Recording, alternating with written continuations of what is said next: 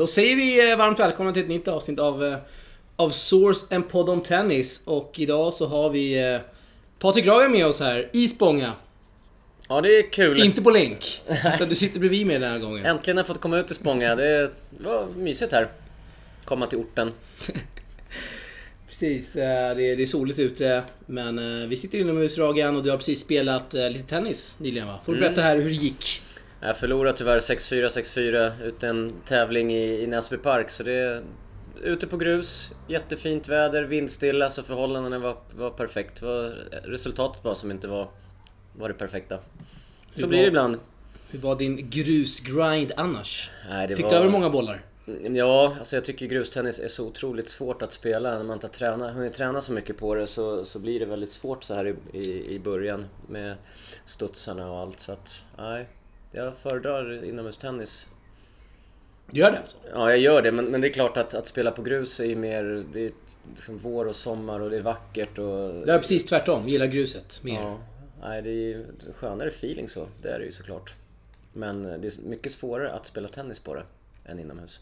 Det håller jag med om. Eh, Vi hoppas att du eh, får grinda mer här Ragen framöver. Och på tal om grind så har det varit eh, mycket sådant. Franska öppna senast, i alla fall för min del. Eh, hur mycket tennis hann du se under eh, Franska öppna? Nej men jag eh, jobbar ju så jag hinner inte se dem, eh, det som går dagtid utan det blir på kvällarna och eh, en hel del sammandrag och highlights och live blir bara några timmar varje kväll. Men Eurosport gör det där så otroligt bra så att man, man kan komma ikapp rätt bra genom att, eh, genom att kolla lite grann i efterhand också. Kollar du på Game Ch- Chat and Matt? Alltid, missar inte ett enda av deras avsnitt. Jag tycker det är ett helt fantastiskt upplägg på, eh, för någon som är tennisintresserad och, och höra lite analys och, eh, och se lite highlights. Jag tycker de gör det där jätte, jättebra. Vad tycker du om eh, Villanders insats där under Franska öppna? Jag såg inte jättemånga avsnitt måste jag säga under veckorna, men vad... Nej, säger men- främst om Mats Wilander, Nej, vår svenska expert? Mats Wilander är ju, är ju också jättebra. Man har ju, han har gjort det här i så många år tillsammans med Barbara Schett och de, de är ju väldigt samspelta och, eh, och gör, det där, gör det bra. Så att det, är- det är superkul. Det gör så mycket just med sådana här eh, program där de sitter och, och pratar tennis och analyserar. Det finns ju inte någon annanstans. Nej. Utan eh, det är ju enda tennisprogrammet i princip. Bra engelska också på Mats, eller hur? Ja, ja, definitivt. Märks att han har bott i USA hela sitt liv. Eh, Och eh, vi, vi ska toucha Franska öppna. Vi ska inte gå igenom eh, allt för mycket om, vår, om våra världsstjärnor. Eh, detaljer och sådär. Vi tar det viktigaste. Vi kan väl börja med Nadal som vann den 12 Franska öppna titeln Patrik. Ja, det, det är helt sjukt att kunna göra en, en sån bedrift. Jag tycker det är fantastiskt att, att få vara med om den här eran i tennis som vi får vara med nu och, och det kommer man ju inse desto mer tror jag. Ju äldre man blir och när de här spelarna har slutat spela sen att vad häftigt det här har varit med, med Nadal, Djokovic och Federer och just det som Nadal gör nu med 12, 12 Paris och just, just på grus som är ett så svårt underlag är det helt fantastiskt. Helt otroligt. Ja, det är helt otroligt. Trodde du att han skulle leka hem det innan också? Ja, men det, det trodde jag ju efter, speciellt där efter Rom och han, han har ju alltid varit stark i, i Paris så jag har inte riktigt sett vem som skulle kunna besegra honom där. Eventuellt Djokovic då, men då åkte han ut mot team i, i semin så att... Ja, han hade, det, det var ju också en sån här, Nadal hade ju lite fördelar och, och lite tur på sin sida med att team kommer in i finalen och har spelat sin semifinal över två dagar och kunde ju ladda upp mentalt eh, desto längre. Han hade ju lite här grejer man behöver ha på sin sida för att kanske kunna vinna 12 Paris. Tycker du Team är världens andra bästa grusspelare i världen efter Nadal då? Ja, Det är eh, rimligt att anta. Det är rimligt att anta och tycka när han nu har varit i Paris i final två år i rad. Han vinner andra stora tävlingar eh, på grus. Ehm, även om Djokovic har vunnit, vinner ju fler Masters 1000 på grus än vad Team gör så skulle jag väl ändå klassa Team som en kanske mer utpräglad eh, grusspelare eller specialist än vad Djokovic är som är mer allround. Man, egentligen så är det ju så här att både Federer och Djokovic är ju otroligt bra på grus men det är ju det att Nadal är ju bättre så att de hamnar ju alltid i skuggan av honom. Din favorit? Du har ju kepsen på dig just nu. Roger Federer. Mm. RF. Bra turnering gör han såklart. Ja, såklart. Superbra turnering. Förlorar man mot Nadal i en semifinal så, så har man gjort en, en supertävling. Man har slagit de spelare som, som man skulle slå och Nadal ska man inte slå i Paris. Nej. Så att han har verkligen kul att, att han bestämde sig för att spela på grus och att det gick så över förväntan för honom. Han, han har alltså förlorat mot team och mot Nadal under hela sin grussäsong. Just mot världens två bästa grusspelare. Så det, ser. Ja, det är helt fantastiskt. Så därför tror jag att nu, liksom, det här borde ju verkligen ha gett honom eh, extra, ska man säga, energi och motivation nu för, för resten av säsongen. Hur han lyckas eh, överkomma Wawrinka där var otroligt imponerande. Mm. Måste jag säga. Nej, jag tycker Federer spelar en riktigt skön, eh, offensiv, attackerande grustennis. Riktigt kul att se. Och varierande. Och varierande. Måste vi gilla. Ja, ja, ja. Absolut. Vad tycker du om hans eh, outfit där? Otroligt ful säger jag. Ja. Uniqlo. Nej, jag håller med. Du är inte Den- nöjd, eller hur? Nej, jag tycker den är, den är så otroligt ful. Så det, det är så tråkigt att det blir just på, på en av världens bästa spelare, spelare genom tiderna som, som får ha den där outfiten då i Paris. Men eh, en stor tumme upp till, eh, till Nikes eh, design med, med de här det fransk-inspirerande tapeterna och det blommiga. Och jag tycker det var faktiskt ett, eh, du skulle bra drag och, och riktigt snyggt. Eh, Tänker du beställa hem en eh, sån Ja, det måste man ju göra. Lite blommiga tenniströjor, är inte ofta sådana kommer ut på marknaden. Men, men eh, du skippar Uniqlo alltså. Det finns ju en butik där, eh, Kungsträdgården tror jag. Jag vet inte om de har Federers outfit där. Tror jag Nej, du kan det, köpa, men, eh, den, eh, den skippar du. nej, jag tror faktiskt de flesta kommer skippa den. Jag tror inte vi kommer se många ungdomar ute i världen i, i just den som Federer hade i Paris. Federer fick ju frågan där också om just sin outfit under en presskonferens. Han sa att han eh, hade en del i spelet där i hur outfiten togs fram. Men det har jag svårt att se faktiskt. Så han har fått kritik för att den är ful från andra håll? Nej, jag, jag tror inte frågan var att, eh, att den var ful. Det var mer att den liknade typ en brevbärare. Roger, before people speak to you about today's match, I'm not sure if you're aware of this, but some people are saying that the polo shirts that you are wearing this year, especially the brown one that you wore in the first round, remind them of a uniform that delivery drivers use for the international courier services. And I was wondering, firstly, what your thoughts are on the design, and secondly, you've- you ever been a brand ambassador for an international courier? Because when you're on the court, you always deliver. Uh, nice, nicely said. huh? uh, well, I can tell you that they were not the inspiration uh, for this outfit, and uh, was more trying to go back in time a little bit of to the 70s, you know, and uh, haven't worn brown ever, and cream, and I just thought it'd be it'd be a nice look. Nishikori, apropå Uniqlo, Nishikori har ju sköna Ja. eh, outfits från eh, Uniqlo som är, tycker jag, helt okej. Lite mer färgglada. köpvärda. Ja, färgglatt och riktigt härligt. Han såg ut som en sån här, ja du vet, lakritsgodis från en sån här färgglad karamell, fyrkantig. Ja, Vem fan äter dem egentligen? nej, jag vet inte. De Äter du fanns, såna? fanns förr i tiden. Nej. Hur som jag helst. Inte, ja. Ashley Barty, otroligt skön spelstil, varierande också. Vinner och ser ut som hon aldrig har gjort något annat än att vinna. Grand Slams i, eh, i finalen där. ja, Spelar, spelar jättebra. Hela, hela, hela turneringen faktiskt. Vad säger du om Barty Party, Ragen? Nej men jag är också, tycker också att det är kul att se en sån, en sån spelstil. Det är ju inte så vanligt i, i damtennisen. Med, med den varierande hon har. Väldigt bra känsla och verkligen inte Känns ju inte som någon grustennis direkt, någon grusspecialist. Så att hon tog sig igenom den tävlingen och vann just Paris. Tycker jag ja, det är bra gjort. Vad har du för mer eh, spaningar från eh, damtävlingen, eh, Patrik? Osaka där förlorade världsettan som har vunnit de två senaste Grand Slam-tävlingarna. Mm. Nej, spaning från damtävlingen, det var väl egentligen att det kom fram väldigt många, ska man säga inom citationstecken, nya namn som gick långt i, i Paris som inte hade gjort så mycket väsen av sig innan. Att favoriterna höll inte, inte riktigt. Det var både Osaka och Halep och, och flera av de tjeckiskorna och Så att det var kul att, att få se lite nya, nya tjejer men det märker man att det just i Paris Dam-Paris som, som det ofta händer. Det var ju inte, det var väl ett par år sedan som när Ostapenko vann. Det var ju också från, Ja. från ingenstans som hon kom och, och sen dess har inte hon gjort speciellt mycket. Nej.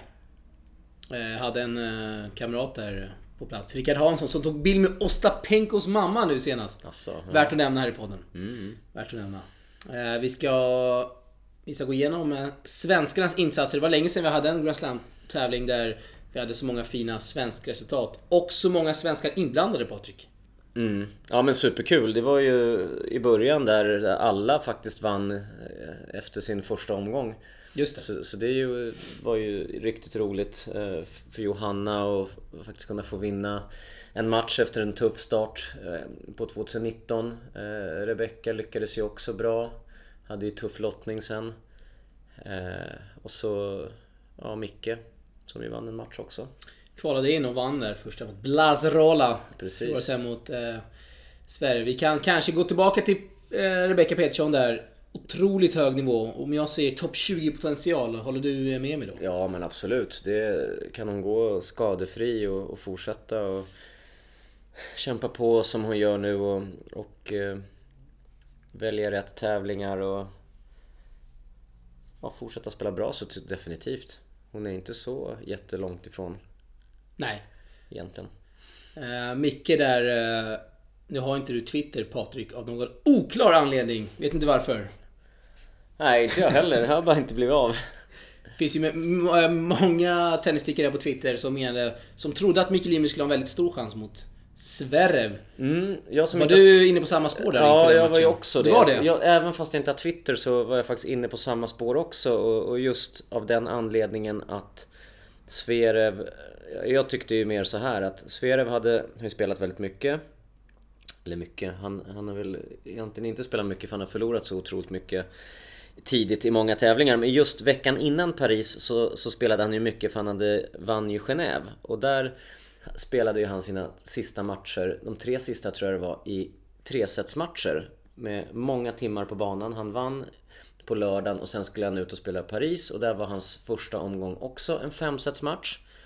Och då trodde jag ju att ja, men här är Mickes chans just för att Zverev har ju spelat så mycket just de senaste dagarna. Att det kommer vara kommer vara trött kanske och bra tillfälle att, att utnyttja men nej, det där syntes inte någonstans på Zverev. Han gick ju Nej. vidare till kvartsfinal sen och spelade några tuffa matcher efter, efter matchen mot Micke också. Så det var, det var lite synd kanske men eh, såklart man, man hoppas alltid och, och Micke gör ju såklart en jättebra insats mot, mot Zverev och det är inte på något sätt att man liksom, trodde Micke skulle vinna men att just i det här fallet så fanns de här, vad ska man säga, de här förhoppningarna blir ju högre eh, i ett sånt scenario där man kan misstänka att ja, han kanske är lite trött och Micke kändes så, så på gång och så. Så då tänker man att han själv också kanske grämde sig lite över och hoppades nog att han kunde göra ett annat resultat. Han sa där inför matchen att han hade kollat eh, sin, eh, sin match mot Sverige i Stockholm Open för några år sedan på YouTube och skulle studera det närmare och kanske kolla vad han kunde göra. Ja, och den var matchen. ju jättejämn och den är också en, eh, ett, en sån match som tror jag man baserar sin tro på att men han kan nog skrälla där på grus mot Zverev just att han spelade så jämnt mot Zverev i Stockholm, det var några Ja. år sedan och Micke har ju blivit bättre sen dess men det har ju Zverev också såklart blivit och, Onekligen. onekligen. Men eh, nej, jättebra insats av, av Micke oavsett och har gjort att han för första gången har gått om Elias på rankingen också. Stämmer. Stämmer. Men vi har en ny Sverige på här sidan. Det är kul det. Eh, Och Johanna Larsson där, semifinal i dubbeln Patrik. Får vi inte glömma att nämna. Ja, det är också en... Den första svenskan någonsin i en semifinal i Franska öppna. Ja, nej, riktigt, riktigt kul för Johanna och jag förstår att hon grämer sig också efter den förlusten för de hade en bra lottning i semifinalen Just mot det. ett osidat par så, så det var ju såklart eh, tråkigt att de inte lyckades vinna den men som du säger en jätte, jättekul och bra insats av Johanna att gå till, till semifinal i Paris. Hoppas där- det ger henne lite Ja. extra push här för eh, resten av säsongen också när det börjar tufft i singeln. Jag frågade där, vad är prio i fortsättningen? Är det dubben eller är det främst att kunna kvala i singeln där? Hon sa, vi är här och nu. Eh, Och vill inte prata så mycket mer om det. Vad, eh, vad tycker du hon ska göra då? Om du nu får... Säg att du är hennes coach här. Vad skulle du ge henne för? Ja, alltså det kluriga här blir ju att hon är ju 140 i världen någonstans i singel och så är hon topp eh, toppspelare i dubbel. Så att eh, för hennes del, jag hade ju fortsatt och, eh, och i alla fall efter en sån här semifinal i, i Paris att fortsätta satsa och spela de stora tävlingarna i dubbel och, och försöka kvala in i singeln. Och ha det som en, ett mål eh, det här året i alla fall. Just nu har chansen att ta sig till, till dubbelslutspelet eh, i slutet på året. Just det. Och eh, vi hade också tre juniorer i tävlingen. För första gången sedan Australian Open 2013 tror jag. Mm. Vet du vilka vi hade då som spelade? Svenskar. Nej. Det var Rebecca Petersson, Elias Ymer och Gustav Hansson. Mhm. Vet du vem som vann juniorsingeln det året? 2013? Yes, på här sidan. Nej. Killsidan, Nick Kyrgios! Oj! Slog ja. Kokkinakis i finalen. Oj, vilken final alltså. Den hade man velat se. Ja, vilken match. Kom, kompismatch. Verkligen. Och eh, med eh, brorsan där, Christos på läktaren. Just det. Hur som helst, vi hade Kajsa här som gick till semifinal, äh, semifinal. Kajsa Henneman som gick till kvartsfinal, eh, Patrik. Mm. Lucky loser, förlorade i kvalfinalen. Så fick hon ett mail då några timmar senare bara där att hon eh, går in då i tävlingen och så resten är historia. Vad, Mm. Det är en skön story det här. Det är lite nästan som eh, saga får man Tr-. Trungelitti från förra året som åkte bil från Barcelona då med, med farmor och, och i- så fick han en plats. Nej men det, det var superroligt och hon, ja som du säger, utnyttjade verkligen läget och jag tror hon kunde komma in och, och bara vara avslappnad och var uträknad och så var det bara en bonus att hon vann de här matcherna som hon vann. Så det är också visar ju att hon eh, har en väldigt hög eh, högsta nivå och pot- potential här för framtiden. Vi hade också Kevin Schaud och Gustav Ström i eh, junior-tävlingen. Där den sistnämnda drack Pepsi under hans dubbelmatch. Vad tycker vi om det egentligen? Du dricker ju Cola Zero just nu Patrik. Ja, jag vet inte. skrev ju lite om det. Är ja, jag- En av jag våra såg- mest klickade artiklar Ja, under de två veckorna. Är det bevisat att det inte ska vara bra att dricka Pepsi i, sidbytena? Oh, shit. Nej, kanske Det är faktiskt tråkigt under ett regnavbrott och skrev den här artikeln. socker som stärker honom, ger honom extra energi. Det var någon som frågade, har ni nyhetstorka? Mm, nej det... Jag tycker Håller det, det, det är ju var lite ro- ja, men jag tycker det är lite roligt med såna här lite vinklade stories som man inte riktigt hade... Som man brukar se på typ Ja Sportbladet. men, ja men att bara läsa matchreferat och sånt det, det kan man ju göra också men det är lite kul med egentligen så lite kuriosa vid, vid sidan av Jag menar det. och skoja lite Jag så. borde fortsätta med sånt Ja alltså. ja ja det är bara att fortsätta Tack. Eh, Susanne Selix spelade kvalet, det gjorde också Elias Ymer. Eh, Susanne där som använde protected ranking. Har inte spelat så jättemånga tävlingar i år, jag tror fem eller sex. Mm. Förlorade första där ganska stort, tog vi några game bara. Eh, cashade in 7000 euro Patrik. Mm, det är helt rätt att faktiskt göra det tycker jag. Utnyttja sin protected ranking i ett sånt läge. Jag håller Det är med. jättebra pengar i de här Grand Slam-kvalen så att det... Det är bara smart. Det finns de som menar, det. är det moraliskt rätt? Men jag tycker om regeln nu finns Ja. och det finns möjlighet att göra det, varför ska man inte då göra det? Nej, jag håller med. Så är det. Och hon har också en, en till Grand Slam och utnyttjar då sin Protected. Det blir väl säkert US Open tror jag. Mm. I kvalet för Susanne som har varit otroligt skadedrabbad senaste åren. eh. Men kul att hon är tillbaka nu i alla fall och kan tävla igen. Precis. Och eh, Elias Ymer där förlorade mot Martin Ö, en eh, 500 rankad fransman i första. Som eh, spelade väldigt bra men eh, en match som Ymer såklart ska vinna på pappret. Ja, ja, absolut. Och det är han ju såklart medveten om också så det finns inte, inte så mycket mer att att säga om det än att, att det såklart inte var en, en bra insats. Nej. Har du någon mer spaning här från Franska öppna eller ska vi lämna det? Det är ju Nej, jag tycker vi länge sedan tävlingen spelades Ja, det är ju det. Så det är nästan roligare att blicka framåt än, eh, och så lägger vi faktiskt grussäsongen åt, eh, åt sidan nu och tar upp den igen efter Wimbledon i samband med Båstad. Med några tävlingar där i juli. Ja. Och på tal om gräs då, vad eh, tycker du om grästennis överlag?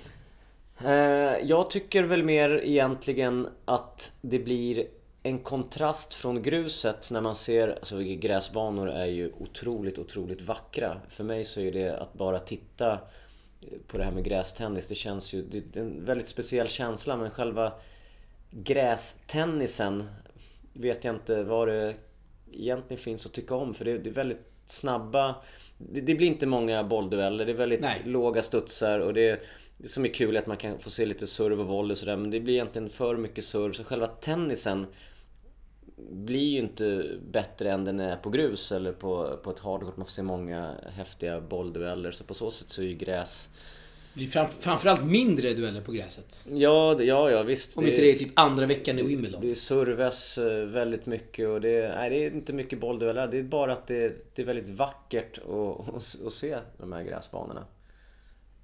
Vad, eh, vad har vi att säga här om svenskarnas grässäsonger, eller deras kommande grässäsonger? Skulle du säga att Micke Lymer är den vi kanske ska hoppas mest på med tanke på att han har spelat eh, Final, ja. final i Wimbledon, Mm, i juniorklassen där för några år sedan. Absolut, det tror jag definitivt att det är. Elias Känns har som ju- det skulle kunna passa hans spel va? Ja, absolut. Elias har ju kvalat in till Wimbledon också så han kan ju också Just spela det. på gräs. Men eh, däremot så märker man här nu att eh, i, i uppladdningen inför Wimbledon så har ju faktiskt eh, Elias valt att spela grustävlingar. Vilket visar att han eh, såklart trivs bättre på grus och väljer att försöka plocka poäng där. Eh, Medan Micke ju faktiskt lämnade gruset direkt efter Paris och hoppade på gräset. Och spelar ju Challengers på, på gräs här nu den här veckan. Har faktiskt inte spelat en enda gräsmatch, vet du varför? Ja, det har ju regnat hela... Ja, jag vet. Alla matcher har gått inomhus. Men tanken var i alla fall att han skulle spela precis, på gräs. precis. Så, att, eh, så definitivt, ja. Och gjorde en bra insats. Förlorade mot Daniel Evans 7-5 i avgörande set. Inomhus ska vi säga. Inomhus ska vi säga, men ändå en väldigt bra insats. Oh ja, Evans oh ja. har varit i ATP-final i år. Han är 70-rankad. Vann, vann en Challenger på gräs förra veckan. Eh, Så att han är i form. Så, så Micke att förlora 7-5 över en set mot honom är ju ett, ett jättebra resultat. Så det visar att, ja, jag tror att det är mycket vi får hoppas på just på, på gräs av svenskarna. Och Johanna och Rebecca har väl inte heller det direkt som favoritunderlag. Nej, de säger det båda, eller de sa det båda nu under franska att ah, men det är inte riktigt mitt favoritunderlag. Eh, Johanna som kvalar i Mallorca och Rebecca då som går in i huvudtävlingen. Eh, Just det. får vi inte glömma Robert Lindstedt som gillar gräs. Har ju spelat tre Wimbledon-finaler, eh, Patrik. Mm, ja precis. Eh, och han kvalar ju den här veckan. I dubbelkvalet. Spelar kvalfinal imorgon. Men Vet du mot vilka? Nej. Chardy Martin som gick till final i Franska öppna. Ja, tuff. Han spelar med Artem Sitak från eh, Nya, Nya Zeeland va? Japp, Nya Zeeland. japp. Hur mycket kollar du dubbeltennis annars? Nej, jag kollar inte dubbeltennis Inte? alls. Och det är ju Inte alls? Nej, men dubbeltennis eh, visas ju inte speciellt mycket. Kanske visas lite i... I Masters 1000 brukar man kunna se lite dubbeltennis redan från... Finns ju på Challenger-touren annars. Men du kanske inte går in på dem eh, Jo, livestream. livestream, jo absolut. Jag kollar lite grann. Kollar jag dubbel på livestreamen så är det väl när jag ska kolla in Sillen. Sillen eller André Göransson nu för tiden. Eller Mackan var ju bra där ett tag också. Just det. Sillen gillar vi extra här i podden, eller hur Patrik? Ja, ja, Sillen är... Fast vi aldrig haft med han. Det kommer. Det kommer. Det kommer. Eh, och eh, Cornelia Lister såg jag någon bild från Ilkli där om man uttalar rätt. Hon, eh, går ju jättebra för henne. Hon var i final och eh, servade ju faktiskt för matchen i den finalen i Kroatien förra veckan på grus. Just det. Eh, Tyvärr bröt de andra tillbaka, vann tiebreaket och sen vann de super tiebreaket också. Så det var väldigt nära att hon fick sin ja, första titel skulle det väl varit. Men den räknas inte som VTA-titel va? Utan Precis. Det är en Bra att du säger det, Ja. för kommande tävling här i Båstad har ju Just skrivit VTA-tävling eh, typ 100 gånger. Vi har snackat med det flera gånger förut. Just det. Eh, vad tycker du där egentligen om vi hoppar tillbaka till damtävlingen? VTA 125, man tycker att tävlingen ska an- annonseras som VTA 125 eller en VTA tävling om du hänger på vad jag menar. Nej, den ska annonseras så, så att det är rätt. Det vill säga att det är, en, det är ingen VTA-tävling Nej. utan det är en ja, motsvarande en Challenger. Bra att du säger det. Ja, ja. Då har vi fått Rätt ska vara rätt. Ja. Samtidigt som du kör lite, vad är det för chips där Ragan? Mm, riktigt sköna naturchips här. Dill och gräddfil. Är det OLV? Mm. OLV naturchips av oskalad potatis. Riktigt bra. Samtidigt som du hugger in på dessa så ska vi köra lite svenskkollen. Kolla, det brukar vi göra här i podden. Snacka om svenskans resultat på sistone. Och vi kan väl börja då. Vi ska se här. Vi, eh, vi tar fram Resentina-appen. Och så ser vi att eh, Siljeström och eh, Sillen då och Elias Ymer har spelat dubbel i Lyon. Torskade i kvarten. Kul att de spelar igen. De har Mm, superkul, förut. de har spelat några veckor i rad nu och eh, gick väl till semifinal förra veckan och så kvarten som du sa den här veckan. Det är bra. Jag tycker Sillen haft en bra start på, på 2019. Han har ju faktiskt i väldigt många tävlingar gått till kvart eller semi så att det har inte blivit det här som, som det var ett tag förra året. Han åkte ut i första matchen i väldigt många tävlingar. Då får man ju noll poäng och bara genom att vinna någon match eller två så, så lyckas man få de här ATP-poängen som behövs.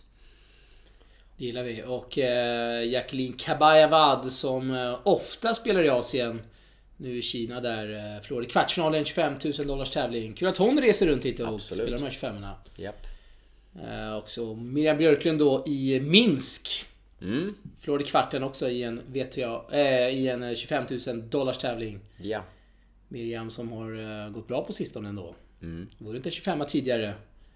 Och som skrivit lite lukrativa sponsoravtal här, eh, Ragan. Det är lite Vitamin, Well. Vitamin Well, ja. Lite Uniqlo i och för sig, det var ganska länge sedan men det... Hon, är, hon syns ganska mycket. Mm. Det måste man gilla. Ja, det tycker jag. Hon är grym på att marknadsföra sig själv och, och vara med på, ska man säga, bidra till att stärka sitt egna varumärke. Tycker hon och Cornelia Lister gör det där jättebra. Och det, det är klart att det är sånt där som gör att det är sånt som sponsorer gillar och det kommer ju verkligen gynna dem och och stärka deras eh, tennis och ekonomi och framförallt förutsättningar för att Hon har ju mer sponsorer än liksom Rebecca som är, är hon, topp 60 i världen. Liksom. Mm. Nej men absolut, visar ju hur viktigt det är att marknadsföra sig själv. Det gör du på din Insta. Och vara öppen för, för och sociala medier och, och, och alltid svara och, och liksom prata med, med sina fans och nämna sina sponsorer. Jag tycker det är jättebra. Det är viktigt. Det är viktigt. Vet du vem som gör det bäst av eh, alla damspelare? På Insta framförallt. Det är din favorit. Vem som gör det bäst? Bouchard. Jaha, ja att hon är väldigt, med väldigt mycket eller? Vad sa du att hon är? Hon är väl med väldigt mycket på Insta? Ja, men hon Ja. är ju väldigt flitig där. Ja, ja. Många sponsorer. Ja, ja, det har hon. Det gillar man. Mm. Eh, Vi har också haft en popcorn-semi där i Kaltenkirchen, Patrik. Lindell mot Mackan Eriksson. Japp. Lindell som är tillbaka i Europa och tävlar igen. Mm, och han har gjort det bra faktiskt. Han har spelat eh, bra på de här grusveckorna och han eh, har ju faktiskt slagit Mackan de flesta gångerna som de har mötts. Och de har spelat dubbel ihop och de, eh, jag vet inte om de har bott ihop och hängt ihop men de, eh, Det har vi gjort också. de verkar vara bra polare och det, det är bra att ha, vara, ha varann och stötta varann till, till framgångar och nej, det är kul. Och frågan är, vann Lindell finalen idag eller? Han torskade idag. Han torskade 1-6, mot 3-6 Altmaier. mot Altmaier. Ja, men det är en finalplats, i, det är inte så tokigt. Nej, Och Merida vann ju en tävling eh, förra veckan så det, det är det. positivt eh, i svensk tennis nu. Både på här och damsidan. Mridas andra ITF-titel i karriären. Precis. Och så Som- André Göransson var i final idag ju som han förlorade så att det är bra. I Shymkent, Kazakstan. Mm. Han och eh, Husler. Just det. Från Eh, Schweizaren ja. Schweiz. Mm. Eh, Elias Ymer är när det här spelas in, eh, kommer spela final då i Lyon Challenger. Va mot Sumit Nagal. Inte Nadal kanske man kan tro här i Ja just det, det är faktiskt en riktigt... Nagal, Indien då, slog ju Albert Ramos Ja. i, i kvartsfinalen. Så han, är ju- det är ju en bra, bra seger för Elias. Tappar ju bara 2G mot honom. Det är riktigt kul att han är i Challenger-final. Och det, och det är... eh, lär ju troligtvis att möta Moté då som är... Han är väl nästan topp 100 snart. Han har haft bra fram, framgångar. Han är strax utanför 100. Det är ju bra resultat i 100 franska senast va? Mot det. Ja, Fick Ja det gjorde han ju så att det är Elias mot Moté i, i final där i Lyon, riktigt kul eh, match. Lär ju komma mycket publik också. Motier gillar ju att eh, dra igång fansen. Vann två matcher i Franska öppna ska vi säga. Mm. Till och med det ja. Slog Peja som är en Ja. av de spelarna som har vunnit mest matcher på hela, av alla spelare det här året. Oj. Ja, Peja, Medvedev, de är ett gäng där som har vunnit mycket. Garin. Tsitsipas. Nej, inte lika många kanske. Ja men han är Han har en del, han tävlar mycket. Vunnit, ja exakt. Eh, och eh, vi får inte glömma att nämna våran favorit eh, Patrik. Vem är det? Eh, Niklas Johansson Niklas du? Johansson. Ja. Vet du vart var han i- tävlat? Han var i Guam eller? Nej, nästan. Eller nästan. Just det. han Japan. Ja, han åkte från Guam till. Japan. Och nu ska han åka från Japan till Zimbabwe. är det så? Ja, han spelar nästa vecka i Zimbabwe. Det är helt fantastiskt. Och Ja, det är helt, helt otroligt. innan Guam och Japan så hade han varit i typ Pakistan eller? Uganda? Uganda. Uganda. Och innan det i Ghana. Ja, det är Det är, fantastiskt. det, är, det är helt otroligt. Man gillar ju Niklas Johansson ja, ja, lite det, extra. är- alltså. det är jättehäftigt. Förlorade dock där mot ett lokalt WC i eh, Japan. Som spel, tävlingen spelas på filt då. 6-4, 6-4. Men han grindar på Niklas Johansson. Ja, det är ju otroligt att han... Eh, det måste ju kosta så enormt mycket att göra de här resorna han gör. Så det är ju det är bra att han eh, får ekonomisk hjälp då av någon och faktiskt kunna genomföra det här. Och le, leva drömmen lite grann. Och jag vet att Douglas Gayvald eh, stötte på då Niklas Jonsson i just Guam. Douglas Gayvald som är lite av en eh, svensk tennislegendar eh, Patrik. Ja, verkligen. Han 48 är- år ja, gammal men och grindar tävlingar. Ja, det är superkul att han kör där. Han gjorde faktiskt en jättebra insats mot en eh, indier var det va, som han förlorade med i match tiebreak mot i avgörande set. Och den här indien har väl en, en ranking va? Och så kommer Douglas då med, som nästan är 50 år och, och nästan vann i första omgången av en Future. Så det var, det var synd. Otroligt. Otroligt. Uh, vad har vi mer för resultat här? Vi har ju Marina Judanov. Som har spelat en 15 000 dollars tävling i Kaltenkirchen där också Mackan och Lindell spelade. Mm. Och... eh, Ja, kanske inte finns så mycket mer att nämna än Nej. att vi har lyft fram de som har gått bäst och att det är faktiskt väldigt många som gör bra resultat nu. vad har vi mer? Tittarfrågor ska vi ta dem. Kanske vi ska göra. Klart vi ska ta tittarfrågor. Jag ska se om har, Tittarna som är de viktigaste. jag ska, precis, jag ska se om vi inte har fått in något mer här. Eh, Första frågan då Patrik. Mm. Alexander Fallman på Twitter frågar här. Vem når topp 100 först? Är frågan. Och då antar jag att han menar eh, Mikael, Mikael eller Elias Ymer då. Vad tror du där? Mm, jag skulle säga att momentum är ju förstås eh, Mikael nu som, som spelar bra och har ju confidence och, och en trend som gör att han är närmare. Men sen kommer ju Elias i final här i Lyon den här veckan och eh, kommer få lite bra poäng på det här. Men jag tror just att, eh, att Micke är bättre på gräs och kanske kan plocka lite mer poäng där. Eh, så jag skulle säga att Micke Ymer gör det. Bra Patrik. Vi har fler frågor givetvis. Antebi skriver... Han skriver bara så här. Dustin Brown, grässpecialisten. Mm, det, jag håller med helt och hållet. Det finns egentligen inte så eh, vad ska man säga, grässpecialister. Och Dustin Brown är ju faktiskt väldigt mycket grässpecialist om man nu ska använda det ordet. För att han han går till kvartsfinal nu i, i Stuttgart. Han slog nästan Felix.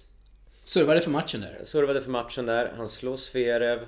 Han har slagit Nadal två gånger på gräs så att det, Om man ska ha de här grässpecialisterna, det är Dustin Brown, det är Nicolas Mahy eh, Jill Müller när han höll igång. Ja precis, det är, det är några som, som alltid gör väldigt, väldigt bra resultat på gräs det, det är de här Då finns det, den, då finns det de eh, kanske kritiska mot Brown som menar på att han aldrig har spelat en semifinal i en ATP-tävling.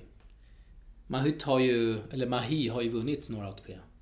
Men Brown har aldrig varit i en semi. Är han en överskattad grässpecialist Patrik? Eller vad säger du? Eh, Ja, det kanske han är då, men just grässpecialist blir ju att han i förhållande till sina andra resultat har gjort väldigt mycket bra resultat på gräs. Sen att han inte vinner några tävlingar, det gör han inte på något annat underlag heller. Så att, Han vann ju nog på grus senast där i, ja, gjorde han. Han vann ju en, en Challenger, slog Krajinovic i finalen. Just det. Så det var ju fantastiskt bra. Muratoglos akademi där. Exakt, så det gjorde han riktigt bra. Apropå grässpecialist, vann en Challenger på grus så visar att han är väldigt allround. Det finns ju... Eh, han har ju slagit på Nadal två gånger, men där- i Halle va, för några år sedan finns det några YouTube...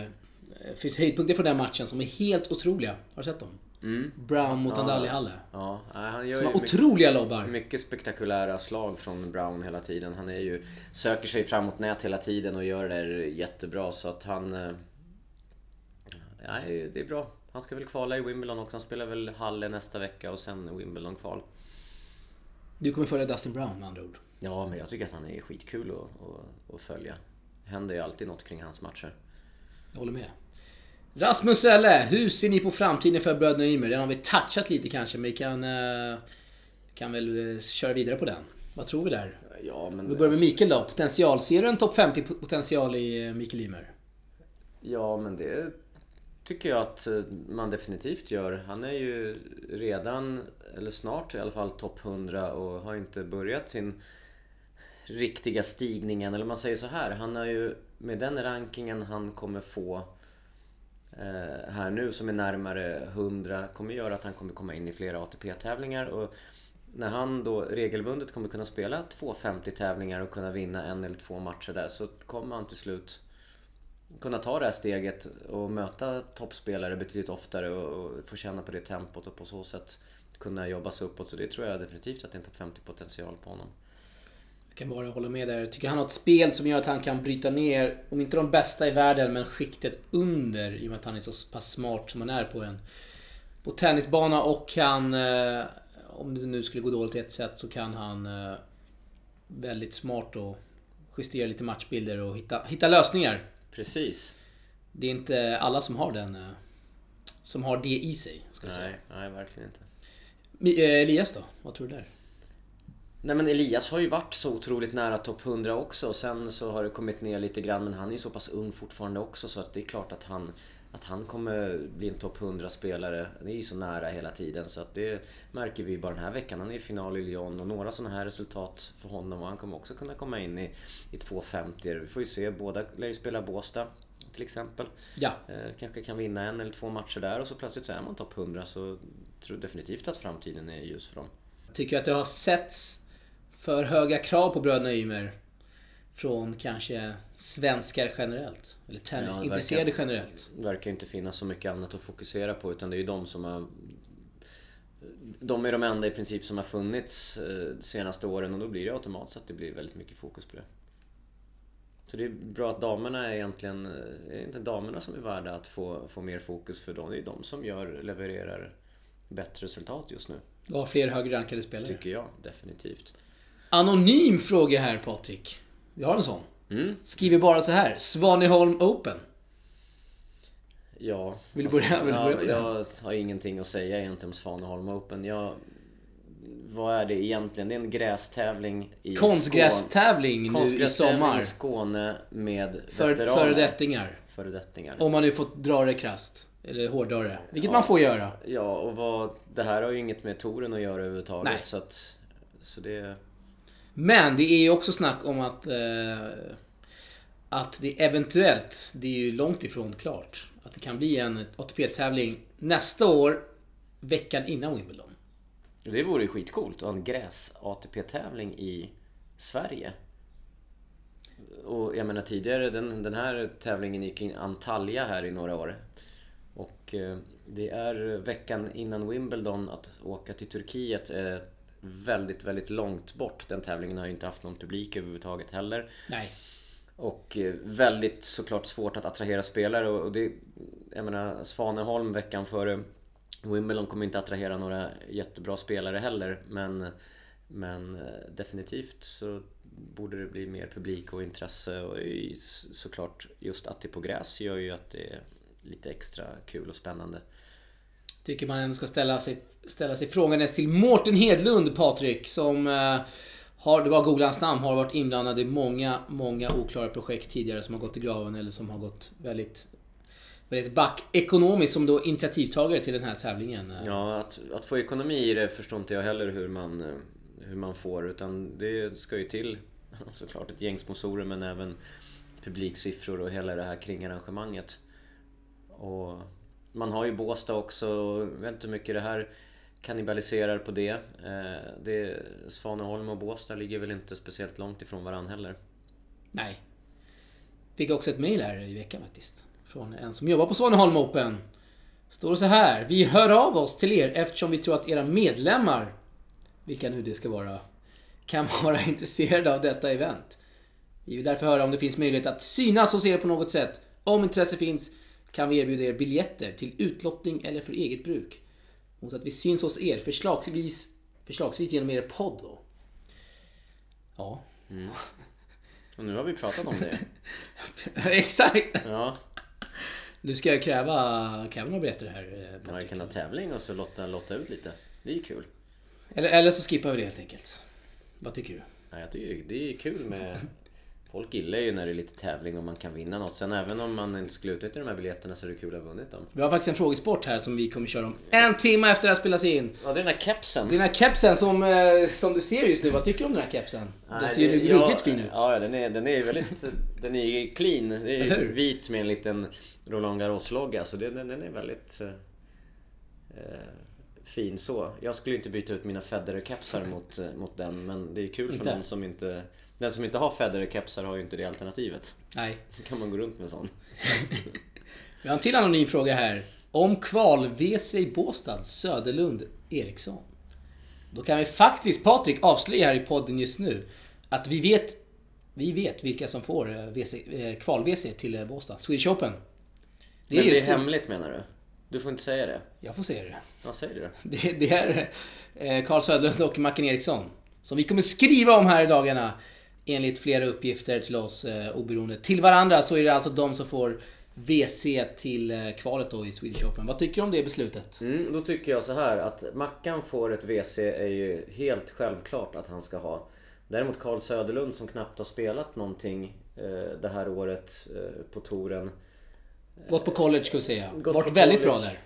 Ja, då kanske det är tillräckligt för att, eh, för att han ska få det. Men jag kan förstå att, att spelare som Kanske som spelat Merida. bra som ja, men Filip Bergevi eller Merida. Merida som har vann en, en Future här nyligen. Att det är klart att det är synd för dem och, och inte få det. Men eh, han spelar bra, Kalle, så, och tro, tror att han kan göra en bra kvalinsats där så absolut, det skulle bli kul att se honom. Han har gjort jättebra resultat i Båstad tidigare så att...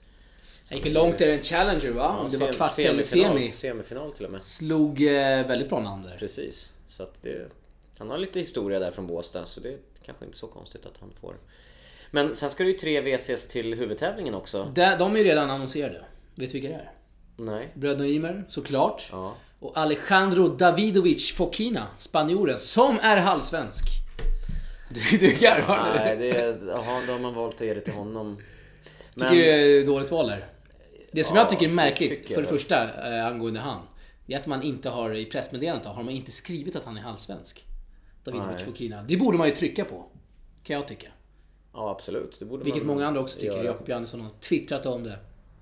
Men det är klart att, jag, att det hade varit roligare att se att Mackan får ett WC till huvudtävlingen. Än att han får det. Eller såklart att det blir ett, ett toppnamn som får det där WC. Nu har man... Nu skulle det väl kunna bli så att Elias skulle egentligen kunna komma in på, av egen kraft om det blir några återbud. Då kommer det frigöras ett WC. Men eh, det ska nog några återbud till. Du tror med andra ord inte att eh, Fokina drar mer publik än eh, om, Fokina- om Mackan skulle få Fokina det? kommer inte sälja en enda biljett eh, och han är inte någon... Det man tror här såklart är att han är ett framtidsnamn och eh, Han är otroligt skön och sevärd att se på, måste vi säga. absolut, jag såg honom i Estoril tror jag att det Just var. det. Ja, där gjorde han ju lite allt möjligt. Och Ja, det var gick- mycket show och Ja, ja. bra tennis. Absolut, så att han är ju, är ju såklart en, en bra spelare. Men det är ingen som kommer eh, dra biljetter med andra. Nej, det är det ju inte. Inte en enda ser du. Det är ju inte en enda topp 25-spelare med i Båstad i år. Så att, Nej. eh, Vi drar fram startfältet. Eller Jag vi- tycker ju att det här är, det är ju det sämsta startfältet i Båstad eh, på under 2000-talet, definitivt. Det här är 2000-talets sämsta startfält. Du tycker det det? här är, vi är tillbaks på 90-talet när Båstad hade problem att locka spelare. Sen, sen har man haft eh, under, under 2000-talet så har man ju varit, man har lyckats knyta de här Ferrer, Robredo, Almagro eh, och de var ju topp 20 under många, många år. Berdych, eh, Davydenko och liknande. Som var återkommande. Sen Fognini förra året. Ja, Fognini förra året och när man När de här spelarna sen då inte spelar längre så har man inte så många andra kvar så att Det jag tycker är intressant att se det är det, det är egentligen vilka spelare spelar den här veckan överhuvudtaget och då, då är det Båstad och det är Omag i Kroatien som är den konkurrerande tävlingen och tittar man på startfälten i Omag och Båstad så märker man ju att alla de bästa och de man hade velat se har ju dragit till Omag så Båstad har, eh, tycker jag, i år inte, inte lyckats eh, lika bra. Det, det, det, Velasco högst rankad där, 27 Ja, precis. Eh, Och Verdasco är inte Men någon... han är ju... liksom, Det är Båstad. Han, han, är, han är ständigt återkommande Ja, också. precis. Sen, sen det som är kul att se är såklart att Berrettini och Garin är ju... Berrettini har ju vunnit ATP-titel i år. Han går jättebra på gräs nu. Garin har ju vunnit flera tit- titlar på grus. Eh, Gasquet är såklart alltid sevärd. Men utöver det, ja, Rud. Cuevas. Cuevas. eh, Chari. Ja. Men det, Gulbis. Det ja, Gulbis. Men det är inga, inga toppnamn utan det är de här... Det är inga ja, som kommer dra särskilt Nej. många biljetter. Det är ju inte det. det Folk bra. kommer inte vallfärda till biljettkontoret för att se Jumhur liksom. Nej, exakt så. Men tar man till exempel eh, Omags eh, startfält och, och just att Fognini har man lyckats få dit. Choric såklart hemmaspelare. Cecchinato som var i semifinal i Paris förra året. Eh, så är det ju såklart definitivt bättre. Roblev är ju där. Gått bra där många gånger. Så att nej, det är, det är klart att om man ska välja mellan Omag och Båstad så, så hade jag åkt till Omag i år. Det är så pass? Ja, absolut. Jag tycker Omag har mer, mer intressanta spelare och det jag tycker Båstad har lyckats jättebra de senaste åren. Det är oftast man har kunnat säga att Nej, men fan vad Bå- Båstad har lyckats bra just den här veckan jämfört med de konkurrerande tävlingarna. Men i år är det tyvärr tvärtom. Ja, det hör vi alltså. Tråkigt kanske, Ragan, men så kan det vara. Ja, så kan det vara när eh, fyra, fyra bättre rankade spelare i Omag än... eh, Så Båstads bästa namn är nummer fem av de som spelar den veckan. Man får väl ändå hoppas på att affischnamnen här, Bröderna Ymer, eh, lockar en hel del publik. Absolut, eh, bröderna Ymer kommer locka Och att de publik. går långt i tävlingen. För det har vi Ja. sett innan att se att de förlorar, ja nu vet jag inte när de går in, måndag, tisdag, onsdag. Dagarna efter det brukar ju sällan vara fullsatta. När, det, när det inte har några svenskar Och just med. blir ju extra viktigt i ett sånt här läge när det inte finns någon, eh, någon annan ska säga, fixstjärna som, som folk kommer att vilja se. Som till exempel Fognini då som, som var med förra året. Ja. Och eh, vi fortsätter då i frågorna. Mattsson Bilder skriver här. Vilka har sämst humör inom svensk tennis? Vem skulle det vara? Sämst humör? Det är ju, vem ska man nämna där? Det är ju bara bröderna Ymer egentligen som, som kanske visar lite känslor på, på banan. Johanna Rebecka bryter inga racketar. Mackan är väl rätt lugn. Lindstedt kanske drar, kanske ser lite arg ut ibland men det, Ja, men det, det får man vara på det tennisbanan. får man vara. Men... eh, Micke som fick eh, böter där i Franska öppna. 5000 eh, Ja, det. euro. Ja, För tre violations. Det kan ha varit att han har skjutit iväg någon boll och... precis. Vilket jag inte Vi har inget rötägg inom svensk Nej, tennis. fast jag tycker inte det är negativt i och för sig det här med att visa känslor och kanske slå bort Nej. en boll eller krossa ett racket. Så att man kan ha dåligt humör men det kan ändå vara positivt för dens tennis. Så länge det inte påverkar ens prestation negativt. Precis, precis. Kaljar 64 skriver så här. Sommartouren? Frågetecken. Och eh, då är det bara upp till oss Patrik och snacka lite om sommartouren. Vi kan väl ta Näsby Park där som väl spelades förra veckan där eh, Alexander Viktorovic vann på damsidan och Christian Samuelsson vann på herrsidan. Näsby Park sommartour som måste ge cred där för deras fina rapporter. Du var ju där idag och spelade på deras eh, banor. Ja, Vad, säger du om banorna framförallt? Och, Jättefina banor, de ligger, ju, där. de ligger ju helt fantastiskt vid, vid vattnet och det är bra arrangemang och eh, nej, det, jag gillar de här banorna där i Näsby. Todd Åkesson, shoutout till eh, honom. eh, Gjort, skrivit många fina rapporter där om, Mm. Om sommartouren. Gustav Pepsi Strömragen. Han deltog ju i tävlingen eh, bara efter att, eh, några dagar innan då, spelat i Franska öppna. Just det. Gick dock inte hela vägen. Samuelsson, har du hört talas om hans eh, sviter? Nej. 14 raka turneringssegrar på eh, vinter och sommartouren. Snyggt. 58-0 i vinster. Oj, det är lite som Pablo förut. Han Ja. vann väl också väldigt mycket. Kul med en sommartourspecialist han har blivit då. Borde Samuelsson nästan vara i diskussionerna om att kanske ta en plats i DC? Eller för Han långt bort. borde i alla fall eh, kanske sparra. spela lite, ja sparra definitivt, men att spela lite futures och, och testa sig själv på, på den nivån. Det har varit lite kruxigt här att han inte har kommit in i så många tävlingar. Också förra veckan, Lunds sommartour. Gustav Hansson vann efter dubbelbegel. 6-0, 6-0 mot Frost i finalen, Linus Frost. Ida Jarlskog vann mot Kajsa Rinaldo Persson på damsidan. Två raka set. Just det. Ja, lite resultat där från eh, sommartouren, Patrik. Mm. Som vi gillar. Absolut. Och just nu spelar man i Kristianstad Automobil Open, Patrik. Ska vi dra fram startfältet där kanske? Eh, bra startfält får man, får man väl ändå säga. Vi tar herrarna där. Filip Bergevi, Jeppe Johansson Holm, Christian Samuelsson, Gustav Ström, Ruskas, Slavic, Svensson, Robin Thor.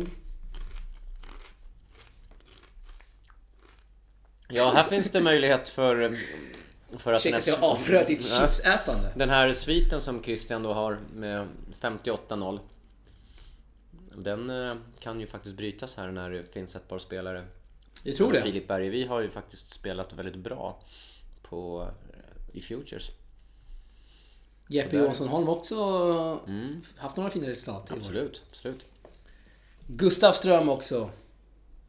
Kanske drar en Pepsi i sidbytena, vem vet? Precis, precis Damsidan då? Nathalie Johansson, eh, första sidan där. mm. Vi har också en lyssnare, Julia Keranovic, som är med. Det måste man gilla. Absolut Sen har jag inte koll på de andra, ska jag säga. Hon har jättebra möjlighet också att vinna där, fjärde sidan Kanske tredje eller fjärde Ja, Det blir intressant. tycker vi lämnar sommartouren Jag tycker vi också oss sommartouren. Eh, Men det är bra att vi eh, fått in många frågor i alla fall. från Absolut, våra det är roligt lyssnare. Det gillar vi. Vi gillar våra lyssnare såklart. Eh, Veckans mest obskyra har jag dragit upp här, men vi har ingen kandidat faktiskt, Ragan.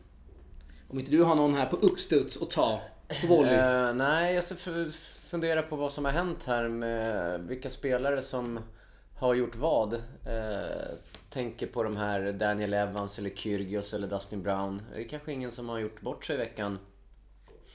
Kyrgios hade ju en match som tog slut efter 53 minuter. Mot Berrettini. Mot Berrettini, ja. Mest obskyra är väl kanske att en grästävling eh, i Nottingham eh, inte har spelats på gräs en enda dag den här veckan utan allting är inomhus för det är bara spöregnar varje... Utan publik inomhus. Utan publik inomhus. Skandal. Ja. Skandal. Så det det är synd, såklart. Och där vi har Mikael Ymer i den tävlingen. Ja. Eh, Vi har en sista grej att göra Patrik. Mm. Så gå ut med en låt här. Oj! Vad som vi ska avsluta med eller? Precis. Du får välja vilken du Ja, vill. väl, då tänker jag så här då. Eh, Det är ju sommar och det är varmt och man, Soligt. man blir glad och det är soligt. Så varför inte välja Summertime då? Med... Med Lana Del Rey. Oj! Så den tycker jag vi avslutar med. Den kör vi! Inte, får inte uh, förväxlas med Summertime med Fresh Prince i Bel-Air. Will Smith hade Summertime. Heter den så? Eller Sommartider. Det var sommartiden med Gyllene Tider. Nej, Lana Del Rey kör vi Summertime. Och då får vi tacka våra lyssnare återigen Patrik för att de eh, ja, lyssnar på denna podd. Det tar vi inte för givet, eller hur? Nej, precis. Det gör vi inte. Och eh, vi tackar er för att ni sprider kärlek. Och hör av, oss, hör av er till oss på eh, våra sociala medier, det gillar vi. Om man nu vill Patrik, då kanske man får eh, betygsätta oss på iTunes. Häftigt. Så att vi kanske syns lite mer. Det Absolut. kan vi behöva här i Source. Eh, Vi tackar för oss Patrik. Det gör vi. Ha det så bra så länge. Hej då. Tja!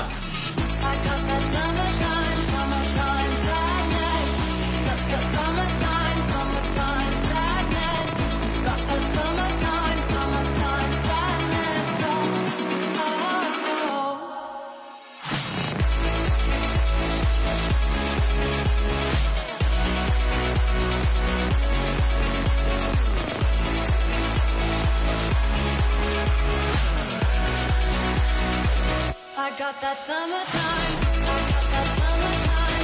I got that summertime. I got that summertime. Summertime sadness. I got that summertime. I got that summertime. I got that summertime. Summertime sadness.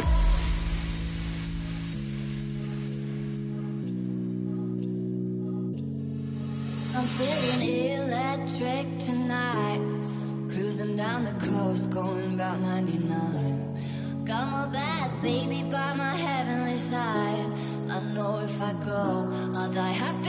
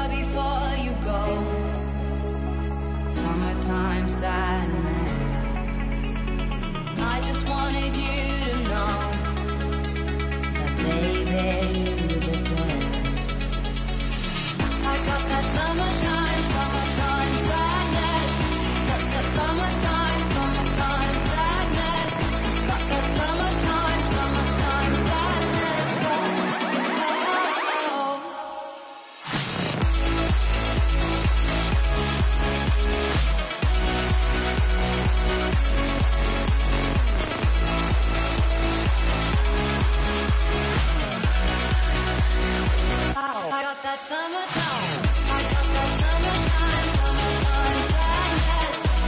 That summertime, summertime sadness. That summertime, summertime sadness.